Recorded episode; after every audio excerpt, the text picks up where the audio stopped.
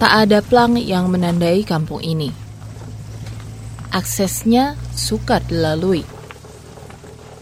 Jalanan menanjak tajam, berbatu dan tanah merah. Jika hujan turun, mobil akan rawan kandas. Saya berdiri di atas unit permukiman transmigrasi UPT Roda. Letaknya di Kecamatan Kolono, Kabupaten Konawe Selatan, Sulawesi Tenggara. Sekitar dua jam perjalanan mobil kalau dari Kendari. Rumah-rumah di sini dikelilingi hutan. Di sini ada hampir 200 keluarga transmigran yang bermukim. Ya, tujuannya ke sini ya mau mengadu nasib, mau merubah merubah nasib, keadaan pengen lebih baik lah dari sebelumnya, tapi ya ternyata ini yang kami dapat di sini. Heni Herlina adalah satu di antaranya. Saya menjumpai perempuan berperawakan mungil ini pada pengunjung Desember 2018. Ia sedang ngaso di depan rumah, baru pulang mengajari anak-anak mengaji kalau diceritakan dukanya banyaklah dukanya tapi ya sulit lah untuk dijalani karena memang lebih parah malah dari dari radionya lagu pop Sunda mengalun. Riuk Cengkok si penyanyi mengingatkannya pada Tasikmalaya, kampung yang ia tinggalkan dua tahun silam. Di Tasik dulu, kesehariannya berkutat antara rumah dan madrasah. Henny seorang guru honorer, hingga tiba ajakan orang tuanya untuk ikut program transmigrasi. Pemerintah menjanjikan tanah dua setengah hektar dan kehidupan yang lebih baik. Ia pun terbujuk. Tapi nyatanya tak begitu. Di tempat tinggal barunya, Henny harus mempelajari pelbagai kebiasaan baru. Salah satunya berburu air. Setiap hari seusai subuh, Henny dan ibu-ibu lain di permukiman roda berjalan kaki 2 km dengan membawa masing-masing dua jerigen.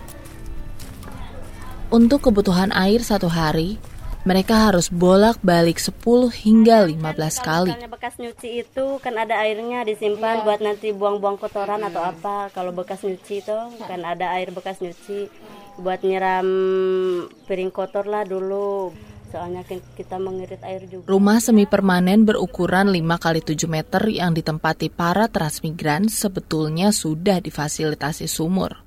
Tapi menurut Henny, sejak pertama datang, sumur sudah kering. Air memang susah sekali. Nah sekarang tahun ini juga kealaman juga air susah. Tahun kedua ya. Sekarang malah lebih parah lagi. Dulu kan masih terjangkau ada Itu tempat. baru soal air. Rutinitas lain yang juga harus dilakoninya adalah mencari kayu bakar. Kadang Henny mencari di hutan atau memungut di sekitar lahan garapannya. Jaraknya lagi-lagi hampir satu jam jalan kaki. Sekalipun sudah dibentuk sejak 2016, tanah untuk kampung transmigran ini belum dilepas dari kawasan hutan. Kata pemerintah daerah, status lahan yang tak jelas membuat banyak program tak bisa masuk ke roda. Jangankan yang dibikin tiga tahun silam, kampung transmigran yang dibangun sejak 2010 saja jalannya masih terseok-seok. UPT Arongo contohnya, berjarak hampir tiga jam perjalanan mobil jika dari UPT Roda. Hingga kini, status lahan di sana pun tak jelas.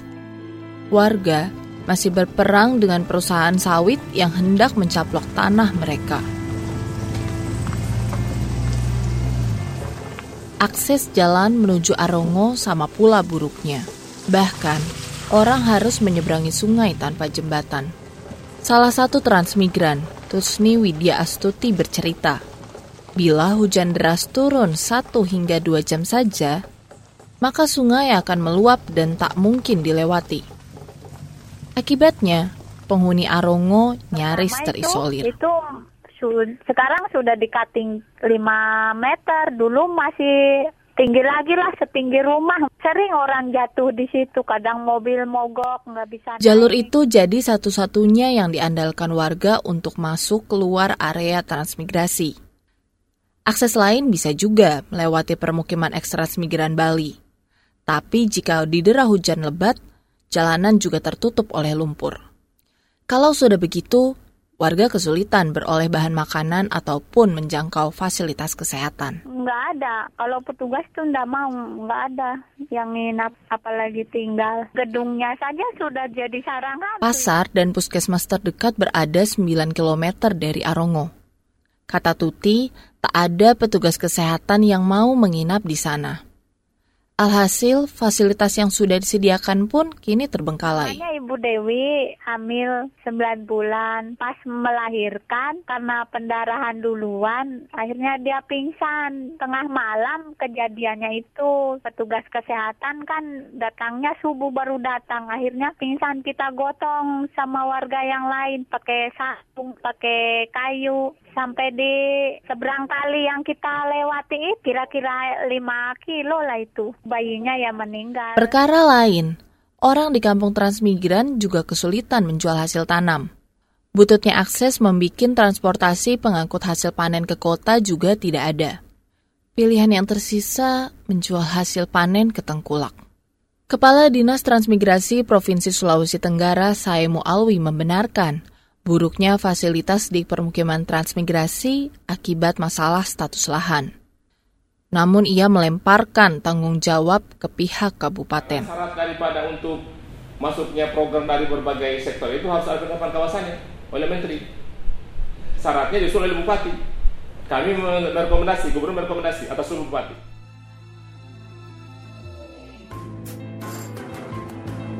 Menurut Kepala Departemen Kampanye Konsorsium Pembaruan Agraria Beni Wijaya, jika tertib mengacu ke SK Transmigrasi, masing-masing UPT, baik lokasi, subjek penggarap maupun luasan objek, sudah jelas tertera. Tapi itu tak terjadi. Itu sebab lembaganya masih berharap pemerintah menjadikan tanah-tanah permukiman transmigrasi sebagai lokasi prioritas reforma agraria. Sayangnya, setelah KPA menyisir lahan-lahan yang masuk tanah objek reforma agraria pemerintah, justru bukan tergolong lahan berkonflik. Demikian saga persembahan KBR, saya Ria Apriani, terima kasih sudah mendengarkan.